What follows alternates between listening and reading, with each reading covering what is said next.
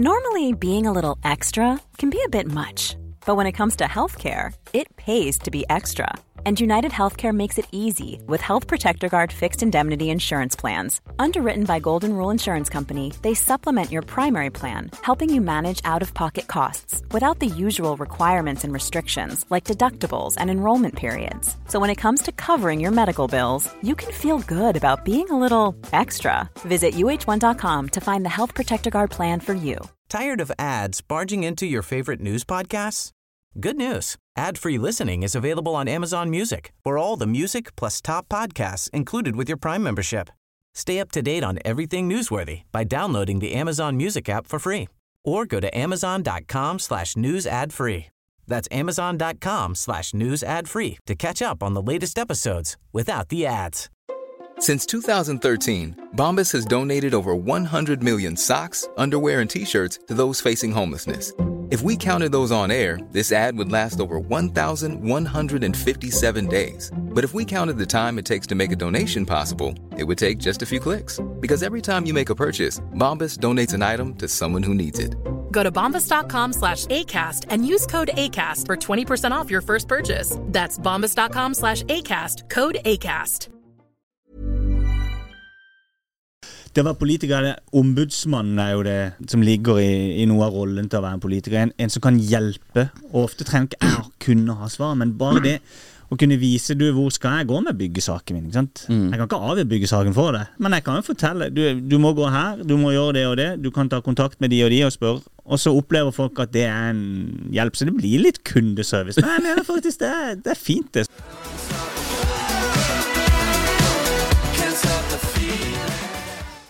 Alright, da er vi tilbake med en ny episode av Impressions Pod.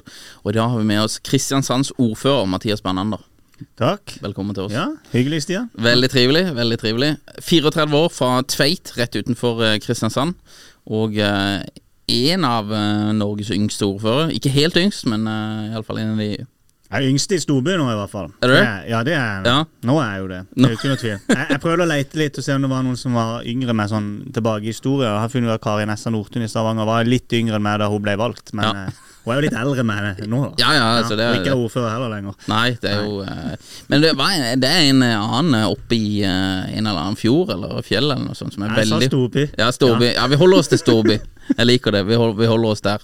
Eh, ordfører i eh, da en av Norges største byer. Jeg vet ikke om jeg, når, jeg, når jeg vokste opp, så fikk jeg fortalt at vi var nummer fem, men det vet jeg ikke om vi er lenger. Jo, Det skulle passe ganske bra. Vi er nummer fem i Norge. 115 000 innbyggere. Ja. Er du stolt av å være ordfører, blitt ordfører så ungt?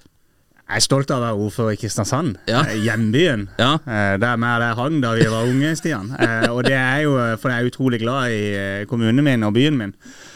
Og det å få lov å gå på jobb hver dag for å gjøre den til en enda bedre by, det er, det er et privilegium. Så ja, det er jeg veldig stolt av. Ja. Det Vi gikk jo på videregående sammen, eller vi hadde iallfall tysk og et par andre, andre fag sammen. Og jeg husker når vi prata Jeg har aldri vært noen sånn der veldig god debattant, altså, men vi prata litt politikk og sånn der. Og du slo meg hele tida som en på en måte type som bare han er ikke bare er han eh, halvveis smart, men han er ganske god til å prate for seg også. Har du visst at du skulle bli politiker hele livet? Nei, ja, egentlig ikke. Altså sånn Jeg har alltid vært glad i å debattere, så det er og en kverulant har jeg sikkert alltid vært. Ja. Men jeg, på, da vi gikk på videregående sammen, så skulle jeg jo absolutt egentlig ikke bli politiker. Så jeg var jo ikke noen ungdomspolitiker. Men Nei. jeg har jo kanskje noe med jeg har en eh, far som har vært politiker, og når du er 16 år, så prøver du jo helst å distansere deg fra ditt opphav. Ja. Så jeg, jeg jobba jo hardt for å ikke være politiker. Ja. Eh, Men jeg ble det likevel. Ja, ja, ja, sånn er det. Men du har jo hatt flere veldig gode jobber. Du, du var jo eh, Du hadde jo Baywatch på Hammer og Sand. Redda folk fra å drukne der. Det er jo da eh, Det er jo på en måte Wakiki av eh, Norge. Hammersand er jo en eh, enorm strand. Eh, og så har du vært eh, markedssjef i Kristiansand havn. Så du er, i teorien så har du egentlig kommet inn i politikken litt Du har ikke vært noen sånn karrierepolitiker hele livet. Du har kommet inn litt seint. Ja, det, det er første gang jeg er fulltidspolitiker som ordfører. Så Ja. jeg jobba som markedssjef, som du sier, i, i Kristiansand havn helt fram til det. Eh, jobba for å få turisme inn til, til Kristiansand. Det har jo du òg gjort litt, grann, og vært med og bidratt til det. Mm. Så det tror jeg har vært veldig viktig for meg å ha litt uh, arbeidserfaring. Uh, jeg tror det er sunt. Noen ja. som sa at man, enhver politiker bør ha sendt en faktura før de trer inn i kontoret. Det, det er noe i det. Ja, ja det, det, blir jo et punkt som folk tar deg på, hvis det ikke. At du har vært politiker hele livet. Det blir liksom uh, oppfatta negativt da, at du ikke har hatt vanlig jobb, hvis du ikke har hatt det. Ja, det kan fort bli det. Og jeg har forståelse. Altså, jeg tror det er greit at noen på en måte har hatt en yrkesvei som har gjort at de har jobba med politikk hele livet også. Det skal ikke krisemaksimere det, men at du har eh, i hvert fall en miks. At vi skal ikke ha bare det. Eh, bare yrkespolitikere. Det tror jeg ville vært veldig uheldig. For det, en viktig del av å være politiker er jo på en måte å å ta del i den hverdagen som de du representerer, tar del i. Og da er det jo eh, fint å ha hatt en vanlig jobb, for å si det sånn. Ja, jeg ser den. Vi ser jo i, i USA, eh, der er det jo Debattklimaet i USA er jo eh, steinhardt. Eh, enormt polarisert og eh, veldig steile kanter. Du kommer jo fra et eh, debattklima på en måte i Kristiansand som har vært de siste årene, som er jo da ifølge politiet det verste debattklimaet i Norge eh, politisk. Åssen har det vært å på en måte komme fra det og på en måte komme inn i politikken eh, når det er så steile fronter. Nei, Kristiansand er Norges svar på Florida, er det mange som har sagt. Nå. ja, det er kanskje det. Ja. Nei, eh, det har, det, har vært, eh, det har vært tøft i Kristiansand. Ja. Det har det faktisk vært. Og vi har lagt bak oss noen år hvor eh, debattklimaet har vært ordentlig surt. Eh, kanskje ikke mest politikerne imellom, men eh, ute det, på, på, nett og i kommentarfelt så har det vært tøft. Og det gjorde at vi sleit jo faktisk med å finne Altså Det var ofte noen som sa nei denne gangen. ikke sant? De orka ikke å stå i det. Nei. Og det er litt skummelt, hvis vi kommer dit at du, du ikke orker å være politiker fordi du får så mye dritt sendt etter deg. Ja. Så vil jeg gjerne si at jeg opplever at det er blitt bedre nå. Ja. Det er akkurat som at kristiansanderen med dette valget som var nå, svarte opp eh, capslock-geriljaen, som av og til kaller de, de som på en måte er mest opptatt av å skrive med store bokstaver på, på nettet. og og sa nok er nok. Eh, nå vil vi ha ro og orden igjen og ha fokus på politiske saker, og det som faktisk betyr noe i hverdagen til folk, og ikke drive og eh, krangle med hverandre. Ja, og det er der du kommer inn. Ro og orden. ja, Law and order. Jeg er, nok, jeg er nok ikke den politikeren som bruker de største ordene alltid, og det tror jeg kanskje mange setter pris på. Eh, Tror, det er lurt å tenke seg litt om, og det er jo litt sånn når du har lest eventyr om ulv ulv. Skal du virkelig liksom si fra en gang òg, så er det jo greit at ikke du alltid har brukt store ord, for da får du ikke noe gjennomslagskraft heller. Så det å puste med magen ja før man uh, uttaler seg, jeg tror jeg kan være fornuftig som ordfører. jeg ser den. Men det, du er jo enormt populær. Eh, Oppslutninga til Høyre har jo fått seg et kjempeløft med deg eh, i Kristiansand. Og du er også den ordføreren som er valgt inn med klart flest personstemmer, over 4000. Hva tror du det er, det er ved det eh, som på en måte appellerer til folk i Kristiansand? det er veldig vanskelig å svare på, men ja, men Det må jo være noe som connecter her. Ja, hvis, hvis noe, så håper jeg tror at jeg tar, som jeg igjen jeg sa, tar del i den hverdagen som de fleste kristiansandere gjør. Jeg har liksom, nettverk, har barn i skolen, har barn i barnehagen, jeg er håndballtrener på fritida for jentungen. Har et på en måte litt naturlig nettverk da i hjemkommunen min. Mm. Eh, det håper jeg å ha litt å si, for det, det gjør jo at du har Det er mange som kjenner deg, har et forhold til deg. og Forhåpentligvis syns du er en helt ok fyr. Eh, jeg tror faktisk det har mye å si. Eh, politikken er ofte at du, du setter pris på det nære. Eh, at det er en du kan kjenne deg igjen i.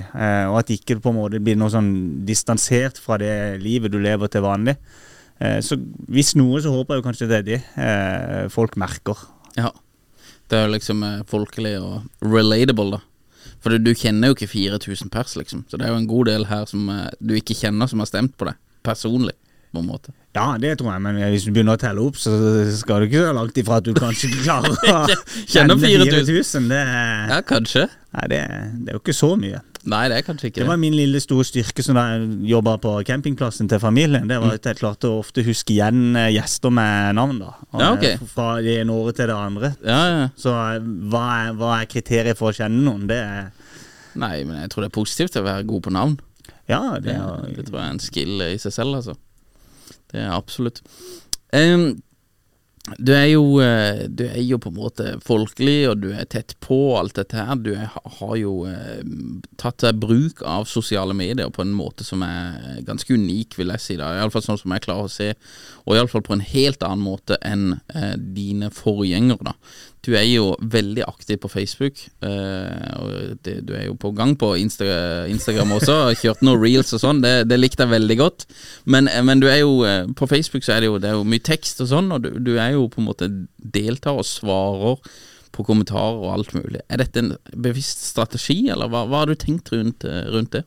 Jeg ønsker jo å være tilgjengelig, og jeg tror det er jo den styrken da, som ligger i sosiale medier. At du kan være tilgjengelig, og du kan svare, og du kan faktisk få en dialog, diskusjon med, med hvem som helst. Da, og at uh, terskelen for å ta kontakt tror jeg går ned betraktelig med å være til stede på sosiale medier. Du sa det til meg for noen år tilbake. Du viste meg noen eksempler her. Nå, dette er bra, ikke sant? fordi du tok debatten ut. Ja, ja. Du flytter debatten ut der eh, alle kan delta. Og det er, det er, jo en av de virkelig store styrkene eh, med sosiale medier, som jeg mener er grunnleggende positivt mm. uh, med det det har gjort med debattklimaet i, i, Norge. For det, ja, det er blitt litt skarpere, men, men folk føler uh, nok at det er mye lettere å ha kontakt med politikere, og det, det er sunt. Uh, og det legger jeg stor vekt på. Ja. At det faktisk skal svare opp så blir det Jeg merker som ordfører blir det jo litt mer volum, så jeg klarer ikke å svare like fort. Nei. Men vi svarer. Ja. Svarer alltid. Du svarer alltid? Ja, jeg svarer alltid. Hvis ikke du får sånn der eh, Forbanna idiot, liksom, også med 17 utropstegn og skal fortelle det, det, gidder jeg jo ikke. Men hvis det er noen altså meninger og spørsmål, ja. så, så svarer jeg. Så kan ja. det godt komme noen sånn skjellsord innimellom, svarer likevel. Men hvis det er bare skjellsord og dritt, det, det orker jeg ikke. Nei, jeg ser det. Men det, det er interessant du sa. Jeg i to, jeg mener det var 2015, så hadde vi et intervju med, i VG med, med Matoma. Og da sa han det at jeg svarer alle som sender meg melding på sosiale medier eh, personlig. Ja. Og da druser det inn 5000 meldinger på Facebook. så det gikk jo ut vinduet, for han klarer ikke å svare, for det blir så mye volum, da. Ja. Så det, det, var jo på en måte noe han sa i VG, og så kunne han ikke stå ved det etterpå. det var litt sånn der. Men du må jo også, du har jo en åpen eh, profil, eh, eller på en måte, du, du har jo en privat profil på, på, Facebook, og der kan jo folk i teorien bare sende deg DM om alt mulig som de er misfornøyd med, eller mm. fornøyd med i Kristiansand. Blir volumet på en måte på et nivå som gjør at du takler det, eller er du Du har jo andre ting enn å gjøre å være liksom Kristiansand kommune kundeservice. ja, men jeg, jeg, jeg, setter av tid og prøver liksom, Jeg har en sånn arbeidsoppgave jeg går gjennom, og det er en del av det liksom, jeg dedikerer tid til, er å svare opp. Eh, men som jeg sier, går det ikke like fort. Du får ikke det ekspressvaret. Men det er jo en del ikke sant? Det å være politiker, ombudsmannen er jo det som ligger i, i, noe av rollen til å være en politiker. En, en som kan hjelpe. Og ofte trenger ikke jeg kunne ha svar, men bare det å kunne vise du, hvor skal jeg gå med byggesaken min. ikke sant? Mm. Jeg kan ikke avgjøre byggesaken for deg. Nei, nei. Det ville vært litt uh, shady. Ja, Da har du fått mye meldinger. Ja. Mange folk flekker i øyet, så vi hadde blitt prat med deg. Ja, nettopp. ikke sant? Men jeg kan jo fortelle. Du, du må gå her, du må gjøre det og det. Du kan ta kontakt med de og de og spørre og så opplever folk at det er en hjelp, så det blir litt kundeservice. Men jeg mener faktisk det er, det er fint det som politiker å kunne vise hvordan du håndterer uh, systemet. For det, det er komplekst. Det er, det er, vanskelig å finne fram. Det er jo vanskelig for oss av og til å finne fram i, i jungelen i en kommune. Og da kan du tenke deg åssen det er for, for vanlige folk som har eh, ni til fire-jobber og unger hjemme, og så skal du sette deg ned på kveldstid og så prøve å finne ut av ting. Det er, det er ganske heftig. Ja. Tror du det er, det er, sånn generelt at det er vanskelig å forstå hele systemet? Dette her med budsjettene også. Det er jo alltid sånn der eh, forenkling som jeg hører når noen er misfornøyd. Liksom At ja, de brukte x antall millioner her, og så hvorfor er ikke de millionene dytta inn i, eh, i sykehuset eller mm. i eh, på en måte eldreomsorgen eller sånn og sånn, da. Tror du det er, tror du det er liksom lav forståelse av hvordan alt henger sammen her? Ja, men så det er en sunn debatt, for det veldig mye kan du jo gjøre. Og det er klart at det å få kritikk for å uh, bruke penger på kultur Jeg har jo vært eh, forkjemper for en kunstsilo i Kristiansand som har fått veldig mye pepper, mm. eh, og som har fått mye oppmerksomhet. og så er det jo sånn selvfølgelig at en del av de pengene kunne vi ikke bare automatisk flytta over, men det er klart at enhver pengebruk har jo en alternativ bruk. Ja. Så jeg syns det, det er en helt ok Jeg er ikke redd for den debatten. Det er en helt ok debatt, og det er helt ok spørsmål å stille. Men det er klart vi kunne ikke fått ut penger av Kulturdepartementet for å bygge sykehjemsplasser. Nei. Så det er jo den der biten at hvis du skal ha ut noen penger fra noen andre kilder enn kanskje kommunekassa, så, så må du jo Skal du ha kulturpenger, så må du faktisk bygge kultur. Du kan ikke bygge noe annet. Blir kunstsiloen bra?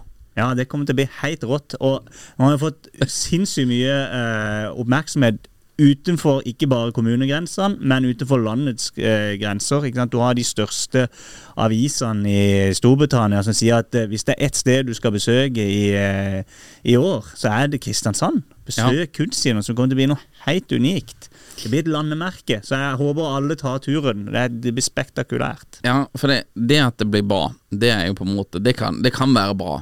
Eh, det, det gjør det sikkert, for det er jo Det er veldig flinke folk eh, med, med Reidar og disse her som er Så, så det har ikke noe Men tror du Kritikeren Kritikerne vil si det, er, det kommer ikke til å komme nok folk til å uh, justify dette her.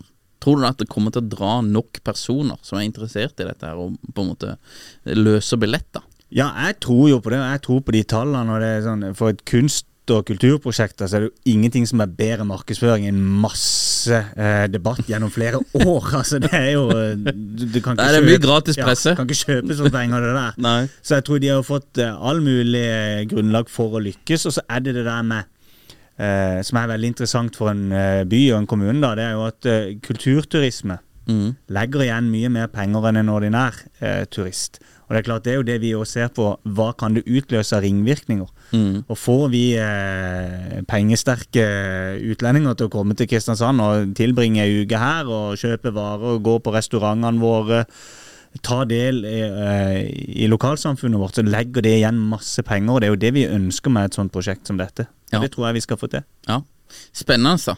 Så det er, det, du, du targeter på en måte en, eh, en eh, high income class av folk Ja, det er klart det er interessant for, eh, for næringslivet vårt å ha eh, kjøpesterke turister. Ja. Det, det er klart det er viktig. Det legger grunnlag for masse arbeidsplasser og verdiskapning i, i vår eh, by. og det, det er jo det vi lever av. Og så er det, det er klart, Vi står sterkt som en turistby i Kristiansand. Men jeg tror jo det er veldig mange nordmenn som tenker juni, juli, august når de tenker Kristiansand. Men vi er en fantastisk by året rundt, og da har sånne eh, opplevelser og attraksjoner som er like attraktivt eh, å besøke i, i januar som i, som i juli, det er utrolig viktig. Ja, det var basically hele oppdraget vi fikk fra Visit Sørlandet. Eller det, det vi har pågått i mange år, da, men det er bare Vi må ha eh, Vi må markedsføre Sørlandet eh, utover sommeren. Ja.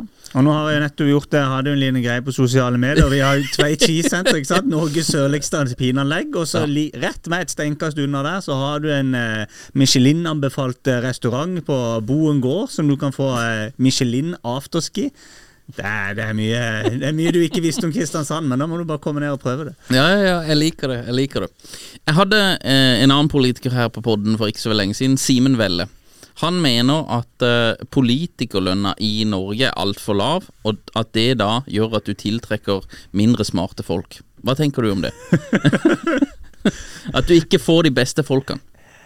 Nei, jeg tror det er, det er fornuftig ikke å ha skyhøye politikerlønninger, men så, så syns jeg jo faktisk at det blir en sånn veldig smålig debatt. for Fordi vi har lave politikerlønninger i Norge, hvis du sammenligner med alle andre land vi egentlig liker å sammenligne oss med. Har vi det? Ja, det har vi. Er din lønn for lav? Nei, jeg mener ikke det. Vi har ikke jo, Jeg har nettopp vedtatt min egen lønn. Det er jo noe av det rareste du gjør som politiker. Du vedtar jo din egen lønn, og vi vedtok at vi fortsetter med den lønna eh, som var i forrige periode. og Da hadde man egentlig gått ned 20% da, fra sånn det var tidligere. Ja. Så eh, Og du har gått ned i lønn? Nei, jeg har ikke gått, men han forrige gjorde det, og vi fortsatte med det. Så Ja, jeg har ikke gått opp igjen. Nei, ok. ja, men vi tjente han forrige som eh, tjente maks, da. Nei, han tjente like mye som en statsråd. Eh, 1,2? 1,5? Nei, jeg husker ikke akkurat det. 1,5-1,6 tror jeg de tjener. Og så har vi nå en uh, regel som sier at er 80% av en statsrådslønn det skal være ordførerlønna i Kristiansand. Ja, ok. Og Men det- det er en regel bare for Kristiansand? Nei, alle, politi alle kommunestyrer, Stortinget, de, de vedtar jo sin egen lønn. Ja. Er ikke det litt cowboy? Det kan du si, men hvem andre skal bestemme? Det er folket. Ja, nettopp. Og hvem er det som folk har bestemt at skal bestemme? Ja, Det er jo jo det demokratiet er. Det er jo det som er litt sånn rart. For du har egentlig ingen Du har jo ikke noen arbeidsgiver. Nei. Jeg, ble jo bedt om, det var noe først jeg kom på kontoret i Kristiansand kommune, kom de med en arbeidsavtale. Ikke? Arbeidskontrakt. Det kan jo ikke jeg signere. Nei. Ja, men det var vanlig, for det var sånn de fikk inn i systemet. Så ja, prinsipielt. Den skriver ikke jeg under på. Jeg svarer ikke for no til noen Nei.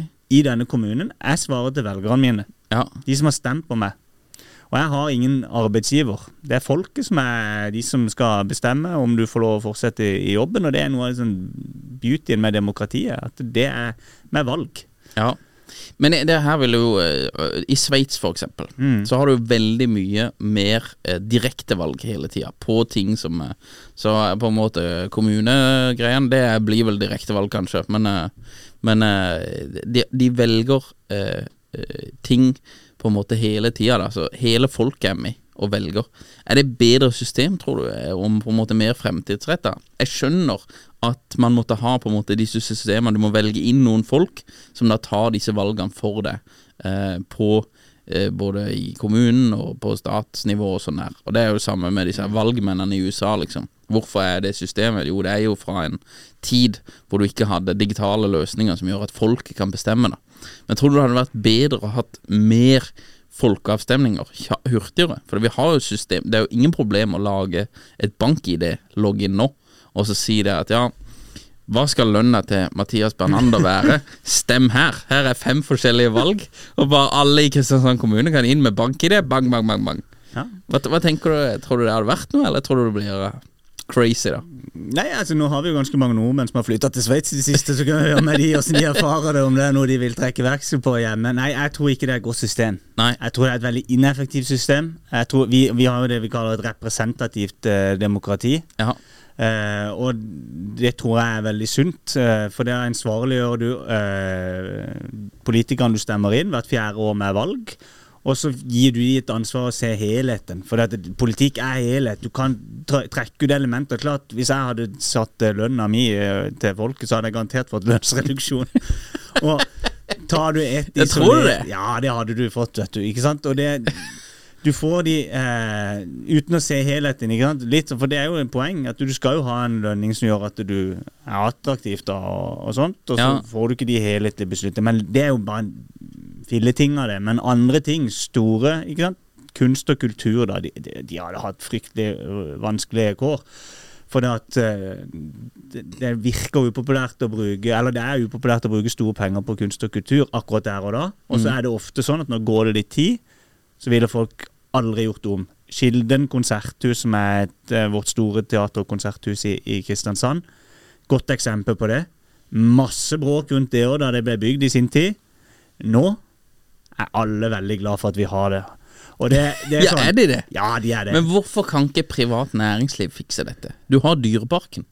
Det er jo på en måte Det er jo ikke noe kommunefund eller bygd opp det. Det er privat næringsliv som da går ut og begynner å bygge dette, og utvider og utvider pga. at markedet responderer positivt på dette. Jo. Hvorfor kan du ikke la liksom Kilden og Kunstsiloen sånn bare Kunstsiloen er jo veldig mye private penger. da Det er jo noe av det jeg syns det er veldig kult med det prosjektet. At det er jo eh, men det er ikke bare. AK-stiftelsen, som er Nicolai Tange sin stiftelse, som har lagt inn masse penger, i tillegg til at han har donert eh, kunsten sin eh, og gitt evigvarende disposisjonsrett til den. Ja. Så, så det er jo et veldig godt eksempel at du kan ha en miks. Men jeg har jo, er det én ting jeg har lært meg i politikken, er jo at jeg ikke kan bare kjøre mine egne preferanser. Da hadde jeg jo da hadde jo alle pengene gått til start, og så kunne jeg sittet på puben og drukket øl og sett på fotballkamp, og så skulle alle gjort det samme som meg. Og det, det er kanskje flertall for det. Ja. Men, men det er jo noe med et godt samfunn klarer også å ta vare på og styrke de tingene som ikke majoriteten ja. nødvendigvis er enig i. Og det er, det er utrolig viktig eh, i et samfunn at vi faktisk også klarer å se litt utover det som kanskje er mainstream, ja. og ta, og ta vare på det. Det utfordrer oss, og det, er, det koster av og til litt penger, men det, jeg tror det er veldig godt og sunt. ja. Jeg ser den. Og det er sånn, Kunst og kultur skal jo provosere. Ja. Så ofte blir det jo sant, veldig mye kritikk rundt er bevilgninger. Kultiva, som er en sånn eh, kulturstiftelse nede hos oss, eh, støtter en eller annen utstilling som alle syns er bare helt sånn what? Ikke sant? ja. Men det er jo, det er jo oppdraget. Ja, men er det- provosere oss litt. Ja, men er det, det er jo ikke oppdraget å provosere med pengebruken. innenfor kult, eh, kunst og kultur. Det er jo Oppdraget er jo at kunsten i seg selv skal provosere, er det ikke det? Jo, men klart at Hvis det er bare pengebruken som provoserer. Ja, men det, Nei, det er ikke pengebruk, det er jo innholdet, ikke sant? Men det har jo kanskje vært vanskelig å få funding til noe av det innholdet. Jeg syns ofte det der er veldig rart. Og liksom, Hadde du spurt meg sånn på refleks, hadde jeg tenkt nei, det der burde ikke det offentlige bruke penger på. Nei. Eh, Å nei, kanskje vi burde bruke mindre. Det er jo en sånn reell diskusjon, det, eh, som jeg òg kanskje er enig i. Eh, Men at vi har offentlig eh, støtte til kunst og kultur, er avgjørende for eh, samfunnet vårt. Og, ikke sant? Barna, De fleste eh, barn driver med Eller veldig mange, flertall av barn driver kanskje med idrett, fotball, håndball. Mm. Skulle vi bare støtta det? Tired of ads barging into your favorite news podcasts? Good news. Ad-free listening is available on Amazon Music for all the music plus top podcasts included with your Prime membership.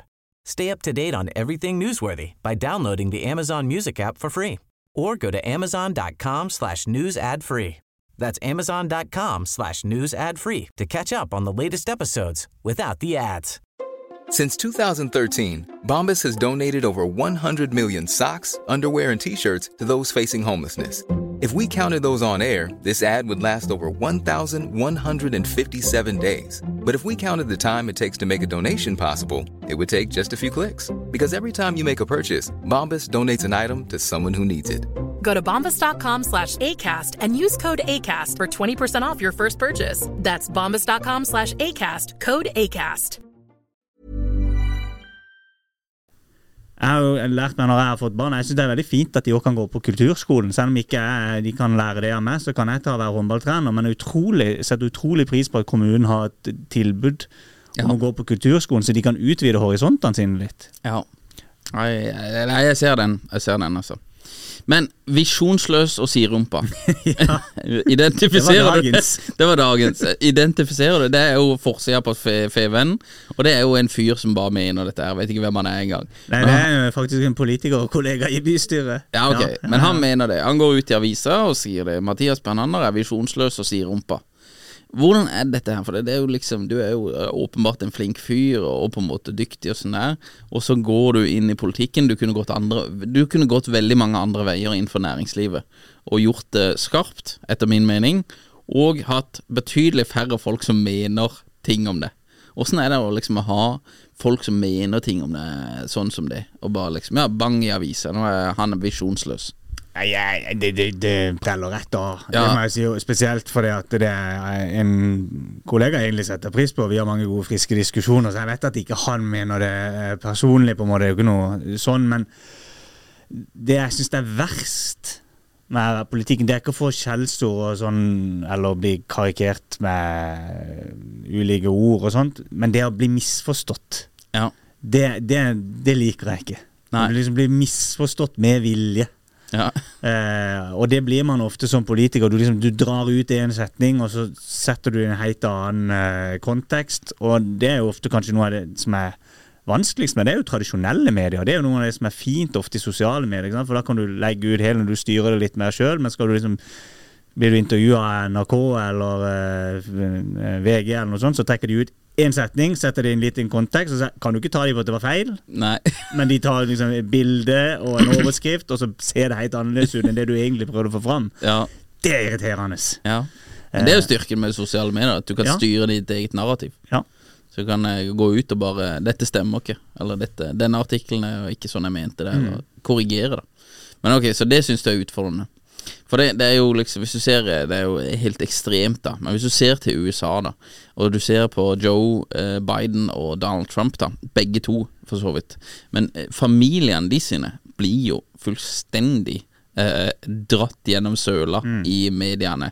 Alle sammen, egentlig. Så alt eh, dritet du klarer å grave opp, og han der eh, hva, skal, hva er det han heter, Hunter Biden, og det er ditt og det er datt, og eh, Trump har jo sine ting, og det er Stormy Daniels, og liksom det er jo i et veldig mini-perspektiv det du holder på med, da. Men er det liksom eh, Hvis du gjør noe Får din bror liksom høre at uh, Mathias han er, skjønner ingenting, eller Ja, nå har Jeg heller, jeg tror nok ikke har så mye rart i skapet som Donald Trump, så det, Nei, det er uten samling sammenligning. Jeg tror For øvrig. det, det gjelder jo å holde stien sin ren, så ikke det er så mye dritt å, å dra opp etter det. Men eh, jeg er veldig opptatt av det at jeg skjermer familien. Ja. Ja, så det, der er jeg ganske kynisk. Jeg legger ikke ut bilder hvor de kan bli identifisert, f.eks. Og Nei. prøver jeg har spurt utallige de er hjemme hos vil, selv om ikke de er med, så vil jeg ikke sitte i stua og ha et intervju i den samme stua som de ser på peppergris Gris. Altså For meg blir det et eller annet sånn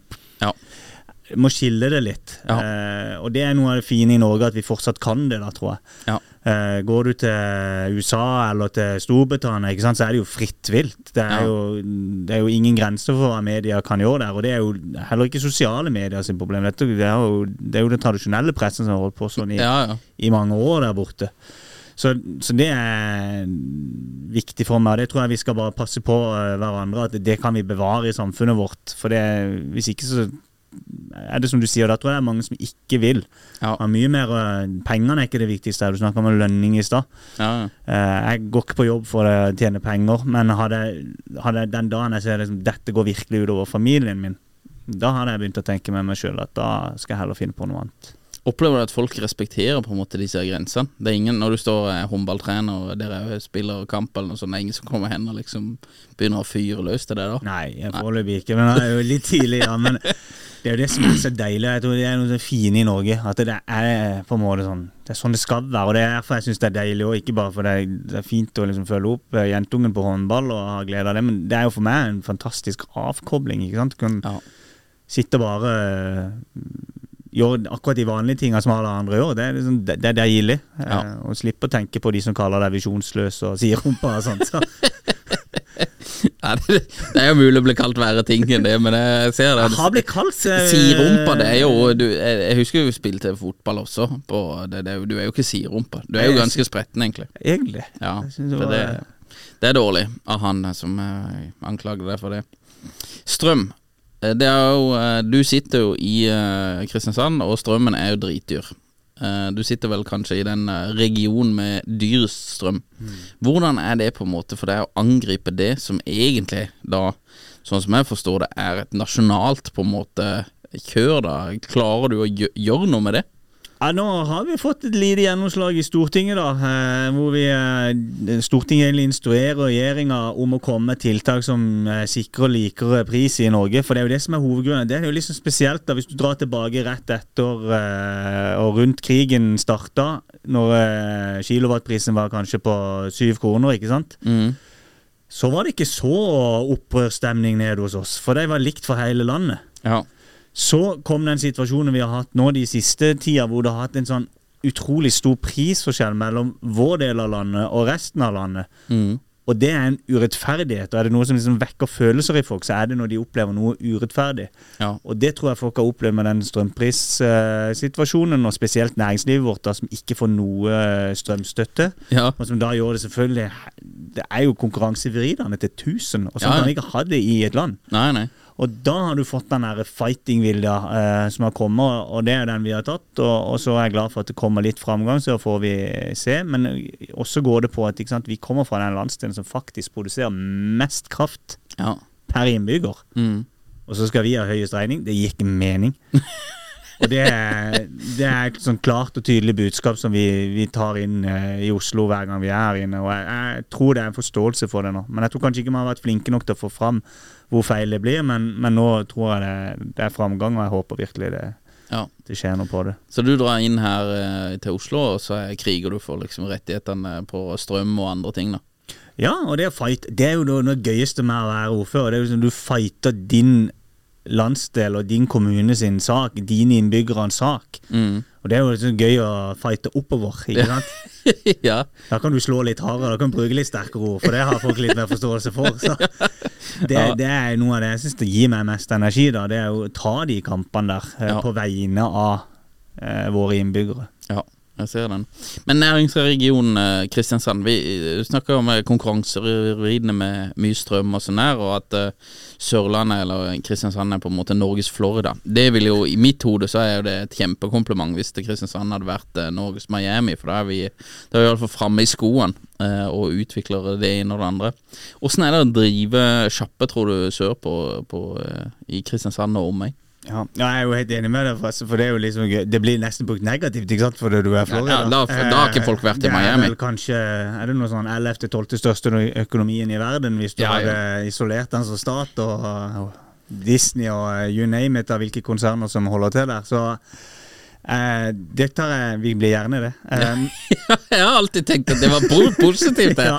Jeg henger ikke helt med på de som syns at det er negativt. Nei, eh, men det er jo det eh, du, Vi har snakka litt om debattklima og sånt, og det er det som har irritert meg. Hver gang jeg blir invitert til Oslo, så har jeg blitt invitert for, for å snakke om den der sure stemninga i debatten i Kristiansand, men det jeg vil inn der og snakke om, er jo på en måte hva du kan få til i Kristiansand. Ja, Du har, jeg pleier å si vi har gått fra å være en sånn stor småby til en liten storby. ja. Vi har alle storbykvaliteter innenfor en veldig liten radius. Så du, liksom, du har nærheten, men du har alt du vil ha. Du har et rikt kunst- og kulturliv. Du har et universitet i vekst hvor du kan få masse flinke folk hvis du vil satse her. Eh, du har gode veier vest og øst. Eh, du har en flyplass som ikke er den største i verden, men som faktisk tar deg til Amsterdam, København, Oslo ofte. Så du kommer deg ut til Europa før lunsj, nesten uansett hvilken destinasjon du skal til. Mm. Og vi har et næringsliv som er alt det, og det jeg tror kanskje ikke folk vet, og derfor ikke de vet så mye om næringslivet på, på Sørlandet. For de har alltid hatt blikket retta ut i den store verden. De bryr seg ikke så mye om det norske markedet, det er det globale markedet. ikke sant? Giganter som NOV, som har hatt hovedkontor i Kristiansand.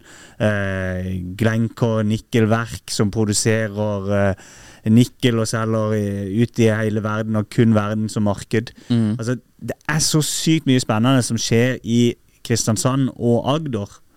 Og markedsføre oss som region. Jeg var jo markedssjef i min tidligere jobb, og det liksom, jeg, jeg liker å være den markedssjefen ennå. For det, Ja. du satse, så kom til oss, altså. For da legger vi forholdene til rette. Ja. Så det, men Er det andre typer ting du kan gjøre for, på en måte legge, for å tiltrekke deg eh, bedrifter nede der? For det er jo eh, Regjeringa her inne De jobber jo ganske aktivt med å bare dytte ut alle private bedrifter fra Norge, og dytte vekk eh, folk som skaper Ja. ting. Så det er jo, de er jo på et eh, crusade for å fikse det. Det, det går jo veldig bra, da, for det, de rømmer jo nedover alle mann til Sveits og sånn der. Men hvordan kan du få de til å stoppe før de setter seg på ferja? Ja, de må gjerne rømme nedover, ja. Stoppe, ja. Det er et godt bilde. Eh, skal stå på, på ferjekanten og så si hei. Nei, og vi kan ikke gjøre så mye på skatt, det er jo nasjonalt. Vi har jo eiendomsskatt, der har vi redusert den litt nå. For det, det handler om at vi ønsker å i hvert fall gjøre det vi kan for at det skal være konkurransedyktig. Så tror jeg det vi gjør med å bygge nok boliger, eh, det er jo noe som har vært en suksessfaktor. og Jeg tror det er en stor del for at Høyre har vært et parti som ofte har styrt Kristiansand. Eh, lave boligpriser, for vi har bygd nok. Eh, så det er, liksom, det er rimelig å bo i Kristiansand. Det tror jeg har noe å si hvis du er ung eh, gründer og entreprenør og ønsker å starte et sted. Da, skal du, da vil du jo bruke penger på å utvikle bedriften din og, og, og den biten, ikke på å bo og leve. Det er ganske dyrt i Oslo. Ja, det er veldig dyrt her. Eh, så det Og høyere skal det bli. og høyere blir det, og det skal vi sørge for at det ikke skjer i Kristiansand. Ja. Eh, så det tror jeg er veldig bra. Og så har vi et universitet som bare Alle piler peker riktig vei på universitetet vårt. Altså Det er et ordentlig bra eh, universitet som utdanner masse flinke folk. Så skal du ha tak i god kompetanse, så får du det i Kristiansand. 10% av alle som bor i Kristiansand, er studenter. Ja, det er det, ja. Det er derfor det er så attraktiv by for å leie ut uh, boliger. Ja, det, det er det òg. 10 ja. Ja. Så det er 15 000, da. Mm. Hvis er- hoderegninga ikke er helt off. Ok. Så eh, universitetet er bra, næringslivet er fullt av flinke folk. Hva, hva er liksom en, en, drømmebedrift som du kunne tenkt at hadde flytta til eh, regionen? Equinor hadde jo vært veldig gøy. Ja, ja, jeg kunne Du sa ja, det. ja, ja, de. Why not? Ja, why not? Ja, ja. Nei, eh, men eh, fra spøk til alvor Jo, egentlig. Store Altså, store konsern vil vi jo gjerne ha. Ja. Uh, og for det at de gir jo ikke bare masse arbeidsplasser i seg sjøl, men de gir jo masse ringvirkninger og oppdrag til de rundt seg. Ja. Som også legger grunnlaget for uh, gründere og entreprenører som ønsker uh, å satse. Mm. Eh, og det er jo sånn, ja, Equin, men Equinor kunne jo gjerne hatt en avdeling i Kristiansand. Det hadde vært eh, veldig bra. Eh, og vi har, som jeg sa ikke sant, i stad, vi har jo National Oil, vel, som er en Ja. gigant. Ja, ja. Ja. Og det er jo den type bedrifter som man ønsker. Og så håper jeg jo at noen av de bedriftene våre som er der, ikke sant? Vi har nå, Pixie besøkte jeg og åpna kontorene til i forrige uke. Norges raskest voksende teknologiselskap de siste årene. Holder til på Andøya, eh, rett utenfor Kristiansand. Har masse fikse løsninger på batterisystemer som eh, De lager ikke batterier, men har mm, gode systemer. Har gått bare de skyter fart, ikke sant. Eh, og nå, i tillegg til at omsetninga øker, så begynner de å tjene penger. At de bare kan ta helt av Mm.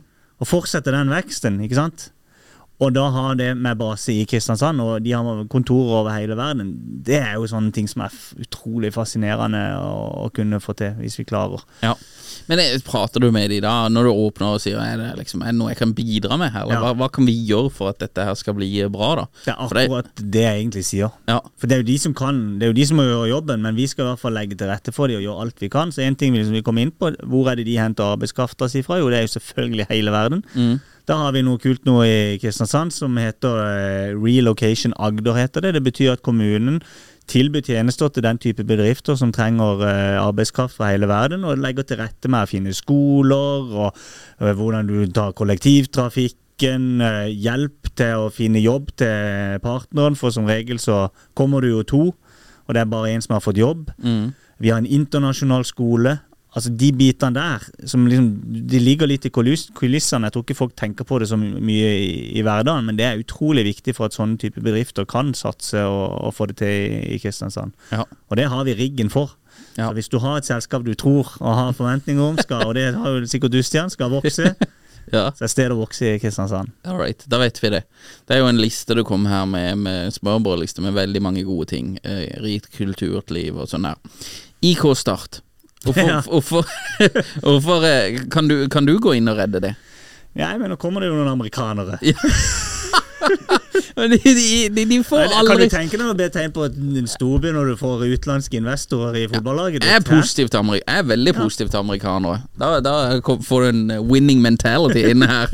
Så jeg er veldig positiv. Men det er, bare- er det amerikanere, eller er det bare norske amerikanere som har flytta over? eh? Nei, nei, dette er amerikanere. Straight up, ja, Ja, hvorfor? sto- Nei, eh, det, hva var greia? De hadde en link med at de hadde eh, vært kompis, tror jeg, med en tidligere eh, assistenttrener i, i Start, og så hadde de vært på kamp, og så, ja, så har de fått en eller annen forhold til Start som hadde utviklet Jeg kan ikke hele historien, men nå står de klar til å investere flere titalls millioner i idrettsklubben vår. Og det syns jeg er gøy, Ja, så lenge de klarer å få flinke folk med seg som ikke bare pusher eh, lønningene opp, og så står du i nytt, uh, ny trøbbel om noen år. Da. Ja, for det er litt déjà vu, dette. De skal inn med 40 mil. Dette har vi sett før. Ja. Det er jo noen som har dytta inn 40 mil eh, ganske kjapt her, og det gikk jo ikke. Så det, det er jo helt åpenbart at penger alene, det er ikke løsninga her. Så det er jo penger og Nei, altså, det første de bør bruke penger på, er å kjøpe For det, du vet, eh, Start har jo hatt litt trøbbel opp igjennom. og Sist gang de hadde trøbbel, ordentlig trøbbel, så måtte jo kommunen inn og kjøpe stadion. Ja, så nå det- eier det- vi jo den. Ja. Så den eier vi nå. Så Ja. sagt, Hvis du skal bruke de 40 millioner på noe, kjøp nå stadion tilbake, så kan de få den, og så kan de slippe å ha høye leieutgifter, og heller få litt inntekt på den, og tenke. ja, men det er jo Så ikke bra. Du kan ikke bruke kommunen solgt unna ting de egentlig ikke trenger å drive med. Ja, Det er jeg enig i, men du kan ikke ha de til å kjøpe stadion. Det er jo bruker alle pengene der. De må ha nye spillere, og så må de jo bruke iallfall 20 millioner på å kjøpe seg ny kultur. For den suger jo helt åpenbart. Ja, han har vært bedre enn han har vært i siste. annet Det er jo et eller annet Det virker som det, det bare for Nå har jeg bodd i Oslo lenge, altså.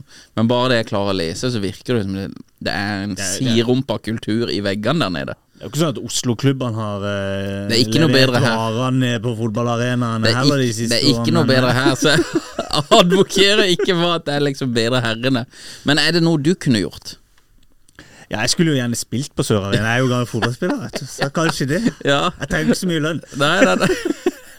Nei, men det er ikke noe du kan Nei, gjøre, nei, liksom. Jo, det er å legge til rette for eh, salg. La de få lov. Du kan tulle litt med det, men det er jo, for, kan- det er jo lurt å tenke hvordan du skal få ned utgifter og opp inntekter. Ja, ja det er viktig. Investere pengene, ikke bare liksom hente inn masse eh, spillere utenfra som du er litt usikker om treffer, og som gir du dem en heftig lønn. Ja, Det er jo liksom oppskriften på fiasko. ja.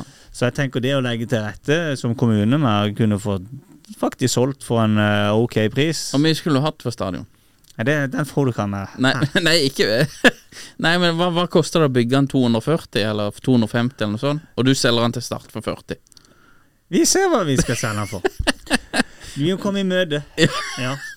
Men det er jo veldig rabatt, da. Jeg har ikke sagt vi skal selge den for 40. Nei, for det er billig, det er billig ja, ja, Mathias. Ja. Det er veldig billig. Hvor mye vil altså. du gi? Nei, jeg, jeg kunne nok tatt den for 30, For 30? men der går ja. det kjapt. Ja. Da har du, det- da har du pengene i morgen. Men eh, det, ja, nei. nei, jeg har ingen interesse å involvere meg i det der. Men jeg bare ser det at vi har eh, 40 mil, det er akkurat samme beløpet som på en måte ble lova forrige gang også. Altså inn, eh, 40 mil inn i start, da. Og det, Staten vil jo bruke 400 millioner på å dele opp kommunene våre, så de kunne jo tatt og pusha litt inn det. Ja. Ja. For en stadion. For mye mindre. ja, for det er snakk om a waste of money. Eh, kommuner oppå i mente her. Og nå er vi jo Vi sitter jo nå i Oslo kommune, men det var jo eh, Vi har jo hatt Viken og frem og tilbake her. Det er jo sinnssykt med penger. Dette her eh, At de setter sammen kommuner, og så splitter kommuner igjen. Det, det er jo det, det oppfattes jo av folk som bare helt fullstendig hodeløst. Ja, toppen av sløseri. Ja, det er jo bare, det er bare truse penger ut i intet, altså. Og eh, hva, hva tenker du generelt om dette? Nå har du Søgne Kristiansand, da. Men hva, hva, er, hva er din take på dette her? Du kan jo risikere å bli kasta i tillegg. Ja, jeg kan bli den kortest sittende ordføreren i Kristiansands historie. Så det er jo fin måte. Du kan jo bli aldri så galt at det ikke er godt for noe. Kan bli historisk, da. Ja, ja. Det, så det kunne jo vært interessant. Nei, jeg syns jo det det er helt uh, vilt. Ja, Det er helt vilt. Uh, og det er klart at når du har uh, masse utfordringer som du helst vil jobbe med, og så skal du bruke som 400 millioner på dele opp det som faktisk er sånn rent objektivt sett, hvis du ser sånn kommunebarometer og NHO-kåringer, og du deler opp i helseskole og alt Norge, En av Norges aller beste kommuner. Det er Kristiansand. Vi skårer objektivt sett alltid som en av Norges beste kommuner. Det har vi gjort gjennom mange år. Og så skal du da bruke nesten en halv milliard på å dele den opp i tre. Altså Det er et så spinnvilt. ja. Eh, det, men det taper de jo på òg, da. Jeg tror det er noe av den grunnen til at eh, du har en upopulær regjering. For at, eh, er det noe Norge har liksom bygd på alltid, som har vært styrken i demokratiet vårt, det er at ikke vi driver med de der omkampene. Mm. Du kan godt fortsette å være uenig, og det er helt greit å være uenig i å slå sammen kommuner. Det var kanskje mye omorganisering, og du fikk lite igjen for det til slutt. Jeg mener jo ikke det, men, men det er jo en fet ting å mene. Men da er ikke svaret på en måte bare gjøre det om igjen. Nei, nei. Hvis du skal sitte sånn, så skulle du bare dreve drevet pingpong. Ja. Og det er jo folk spør meg nå, hvis Høyre tar over eh, makta igjen om to år, og så eh, skal de bare, hvis det blir et oppdelingsvedtak, skal de bare snu det igjen. Det kommer ikke til å skje. Det er jo det er uansvarlig. Vi kan ikke drive sånn fram og tilbake. Nei, det- Kommer vi bare videre. Det er det, for det er jo litt det som er i Amerika. Ja. Det er sånne executive orders som Ja. Trump Han kommer jo til å sitte og signere hele dagen hvis han blir eh, valgt inn på disse her, eh, For å bare reversere masse av det Biden har gjort. Så det blir jo bare frem og tilbake og like langt, da. Ja, det blir ikke like langt engang. Du, du, til slutt, for det at hvis like langt eh, når verden eh, rundt deg går forbi ikke sant? de Mm. går framover. Så da, når du står på stedet hvil, så taper du. Ja. Det er det du gjør, og det er jo det Kristiansand har gjort eh, de siste årene når de har hatt kaos i bystyret òg, fordi at ikke de klarte å liksom lande flertall og sette Så det var ikke det at vi egentlig gikk tilbake noe særlig, men, men det gikk ikke noe framover. Og da går Nei. alle rundt der framover, og da blir det jo egentlig en reell tilbakegang. Ja. Og det, det er ikke bra. Nei, du henger ikke med på veksten framover. Nei, jeg ser den. Jesper Mathisen til å lede IK Start. Jeg tenker ja eller nei?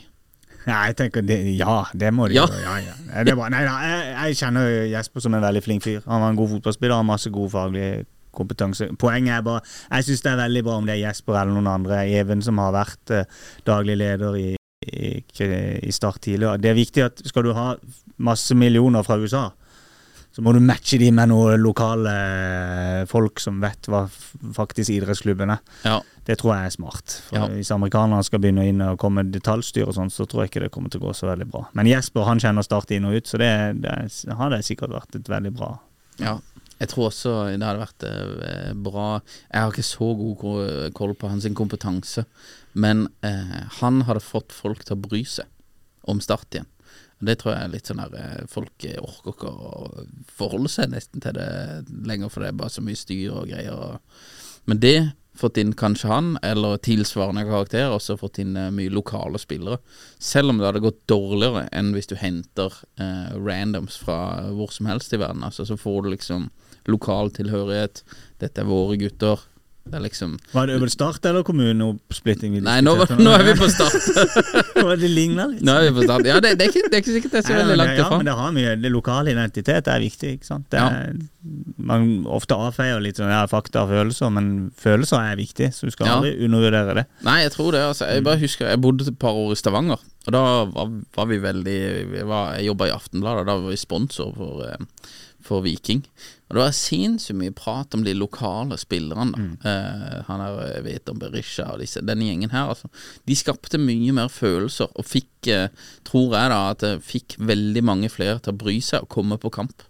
Det tror jeg, og det har jeg også sagt mange ganger. Jeg tror eh, kristiansandere flest vil heller ha et eh, lag midt på tabellen i forhåpentligvis eh, Eliteserien, da, ikke Obos, men enn nødvendigvis å jage eh, den ene triumfen litt sånn eh, på hengende hår eh, på økonomisida, eh, Ja. med masse spillere utenfra. Det kunne Det er ingen som kjenner dem. Og så to år så kommer de til å stikke uansett. Så Det jeg har veldig tro på det. Ja.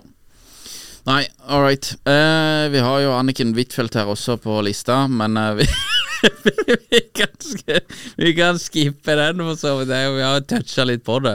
Men disse her politikere som bare går i sirkel, det har jo vært en på en måte skandale eh, skandaleår 2023, spesielt for regjeringa. Det er den ene inhabilitetssaken etter den andre, og så har vi hatt Erna med Sindre Finnes og Joker her og der. Hva tenker du om dette her? Er det liksom eh, det, det, det, Hvordan kan man få løst opp i denne her skandalestreaken og på en måte jobbe med å få eh, tilbake eller økt tilliten igjen til norske politikere? For når jeg prater med folk, og det kan godt være at jeg prater i et ekkokammer, så jeg skal ikke si det Uh, Av og til så eh, merker jeg at jeg havner inn i litt ekkokammer, alle bare er enig med meg. Så det er jo ikke noe gøy. Men, men veldig mange jeg prater med, de er jo liksom bare Dette her er helt de, de, de fatter ingenting, disse politikerne. De er fullstendig disconnecta fra realiteten. Hva, hva tenker du om, eh, om, om det? Nei, Jeg tenker at eh, det har ikke vært 2023 var ikke et veldig godt år, eh, hvis du liksom teller opp eh, det du kaller skandaler, da, negative oppslag. eh, det har ikke det. Jeg tror Så ærlig må man være for norsk politikk. Men, men så er det òg noe av den grunnleggende styrken i det norske demokratiet. Det er jo at disse tingene alltid kommer fram. Ja. Så det er jo sånn er veldig glad vi bor i et land hvor du har en uh, fri presse, og folk følger med, og du har eh, innsynsmuligheter. og Derfor vil det alltid dukke opp ting. Men det er jo det som er fint. Eh, Ja. Hvis du bor i et land hvor det aldri er trukket deg det så mange av disse skandalene i Kina, for å si det sånn. og det er jo fordi de ikke kommer fram. ikke sant? Ja. Uh, Så, så det å bo i et demokrati hvor vi passer på hverandre, ikke sant. Eh, Det er utrolig viktig. Og så eh, må man ta lærdom av ting, og så må man gå videre og bygge tillit. For tillit er på en måte ikke noe Det må jo bygges over tid. ja, jeg ser den. Jeg ser den. Men derfor har vi jo Jeg tror nettopp derfor Ja, du kan jo godt si at vi har fått en sånn tillitsknekk i, i Norge, men, men sammenligner du med veldig mange andre land, så har vi faktisk høy tillit Ja. Til hverandre og til politikere og til institusjonene våre. Og det tror jeg har nettopp med dette, at vi har faktisk og en eh, tro på at eh, dersom noen gjør noe de ikke skal, eller gjør feil, så kommer det alltid fram. Og så kan det være bevisst og ubevisste feil, men det kommer fram. Ja, jeg er enig i det. Nei, vi må nesten eh, runde av her, Mathias. Men hvis du skulle sagt én positiv ting om uh, Silver Berlusconi, hva ville det vært? Ja, utrolig eh, dedikert til fotballen, og det liker jeg. ja, Ja, det hvis, hvis vi kunne hatt middag med en eh, politiker, død eller levende, hvem ville det vært? Nei, For meg er det jo, det er jo Barack Obama. Det, det, vi var jo Bush som egentlig var vår helt. Ja, Stian. det. Det har vi jo ikke snakka om. Nei, men Vi var jo kanskje de to eneste i Norge som faktisk forsvarte George W. Bush når populariteten hans var på et lavnivå. Nå tror jeg de fleste tenker åh, jeg savner Ja. Nei, det, det, jeg, har hatt, eh, jeg har slitt med å forsvare det litt. Jeg fikk en gang en kopp eh, Det var egentlig etter Obama vant valget, da, men da fikk jeg en kopp av min bror eh, hvor det var bilde av George W. Bush, og så var det teksten under 'Miss me yet'. Ja. Så jeg, jeg savna han egentlig aldri under Obama-perioden, men under Trump så, så var jo savnet stort. ja. Nei, jeg har sett mye dokumentarer og greier. Altså. Det, Men kanskje Bush og Obama de er egentlig buddies òg, vet du. Ja, men, men det jeg mener var positivt med Bush, da, han var en folkelig type. Så jeg hadde kunnet godt være uenig med han, og, og dette her med Irak og alt sånt der, så, så bomma han jo grovt da. Så det er jo spørsmål om han visste dette her, eller om han ble lurt, han også, men, eh, men eh, Jeg har alltid fall- sagt Det er to ting som er lett å si om amerikansk politikk, og det er jo den eh, ene at du alltid heller vil ha en republikaner fra New York enn en demokrat fra Texas. Ja. Så kom Donald Trump, ødela hele den statementet der, kan ikke si det lenger. Og så er det det at du alltid eh, Den som er amerikansk president, det er denne kandidaten du helst vil drikke øl med. ja. Der kommer jo Donald Trump og ødela alt. Så ah, Trump har egentlig ødelagt alt vi, som vi kjenner med amerikansk politikk, Ja, men, og snudd alt opp ned. Ja, ok, men en, eh, så må si en positiv ting om Trump, da. Om Donald Trump Ja, Ja, det, sli, det sliter jeg faktisk med. Han, han ødelegger hele eh, Altså Han ødelegger det jeg er så glad i med USA. Altså, han, han, er bare, han er en drittsekk. Og det er sånn Ja, det, det er ikke så Jeg kan ikke Jeg finner ikke på så mye positivt om eh, Donald Trump, altså. nei. Jeg hadde han der Are Flåten inne, sånn, han er ekspert på amerikansk politikk, da. Han er på vært, vi har jo jobba en del i USA og sånn, og jeg, jeg føler liksom at ja, Jeg er ekstremt glad i USA, det er du også, men er flere, flere av liksom de smarteste folkene jeg har møtt i hele mitt liv, de er der henne. Ja. Eh, og, og de klarer bare ikke å hoste de fram i politikken. da. Nei, men jeg, skal ikke si noe om, Som person tror jeg ikke det er særlig mye positivt å si om Donald Trump. Men eh, det er klart noe i politikken hans sin kan selvfølgelig være eh, positivt. Og det Ja. som er med USA Jeg leste, jeg husker ikke hvor jeg leste, men USA har tatt dugnaden for resten av verden. Jeg syns det er noe kult sagt i det. For ja, vi lever veldig godt i, i Norge med fordelingspolitikk og eh, lave forskjeller og sånt. Jeg er veldig glad jeg bor i, i Norge som har det, og det i ryggmargsrefleksen. Det er et godt samfunn. Mm. Men USA har kanskje ikke det. Men de har vekst, og de har den driven som de har, og det det har gjort med verden. ikke sant? Med å utvikle teknologi, de smarteste hodene våre. Se på hvem som er nobelprisvinnere. Mm. Kommer som regel fra USA. Hvor er de verdens beste universiteter? Ja, det er som regel i USA. Ja. Og det det gjør med utviklinga av hele verden Altså Hvis ikke vi hadde hatt USA, så hadde vi vært mange år tilbake. Mm. Og så får de noen negative konsekvenser kanskje òg, med en sånn politikk som fasiliterer veldig for det. da ja. Men det gjør de jo på en måte Det tjener resten av verden på. ja. Og nå igjen så har ikke sant, USA supervekst. Det er vi, vi, vi er veldig glad i i Norge og Europa og snakkes om alt det fæle som skjer i USA, men ja. så er det objektivt sett på det, så går det jo ganske bra i USA nå, sammenlignet med Europa. Mm. ja, ja. Så av og til må vi kanskje se litt eh, på oss sjøl og, og tenke at uh, vi har noe å lære av av de som faktisk har den posisjonen de har, og vi har mye å lære av amerikanere. Ja, jeg er helt enig. Jeg er helt enig. Og det er jo eh, det er fascinerende der også når jeg prater med Trump-fans, så er det liksom ja, Alt var mye bedre under Trump. Og når du prater med Joe Biden nå, men hvis du ser eh, og, og liksom Ja, nå er alt mye bedre og sånn. sånn. Hvis du ser på liksom den økonomiske utviklinga eh, under Trump, så var han god, og under Biden så er han god. Så det, det er liksom jevn vekst der inne, og bare De bare druser på, da. Nei, det er bare fascinerende, det der eh, Jeg opplever at det til tider kan være litt sånn negativ fokus rundt USA. Da føler jeg at det er folk som ikke fatter uh, De har kanskje ikke opplevd, liksom Det er så svært også, og så sinnssykt mye forskjellige folk og sånn. Men bare mine opplevelser fra USA Det er at jeg har møtt noen av de skarpeste og mest interessante menneskene i hele mitt liv der henne. Og liksom, eh, ja. Ja, og det er, jeg må bare ta for det er jo, Vi ler ofte av amerikanere fordi de er så dårlige i geografi, fordi ikke de vet hvor Norge er når vi kommer til USA. ja. Og så snakker du med I Norge så er det jo ofte ja, hvor, hvor du skal, eller hvor du har vært, og så er det sånn Ja, nei, vi skal faktisk til Afrika. så, ja, hvor da i Afrika?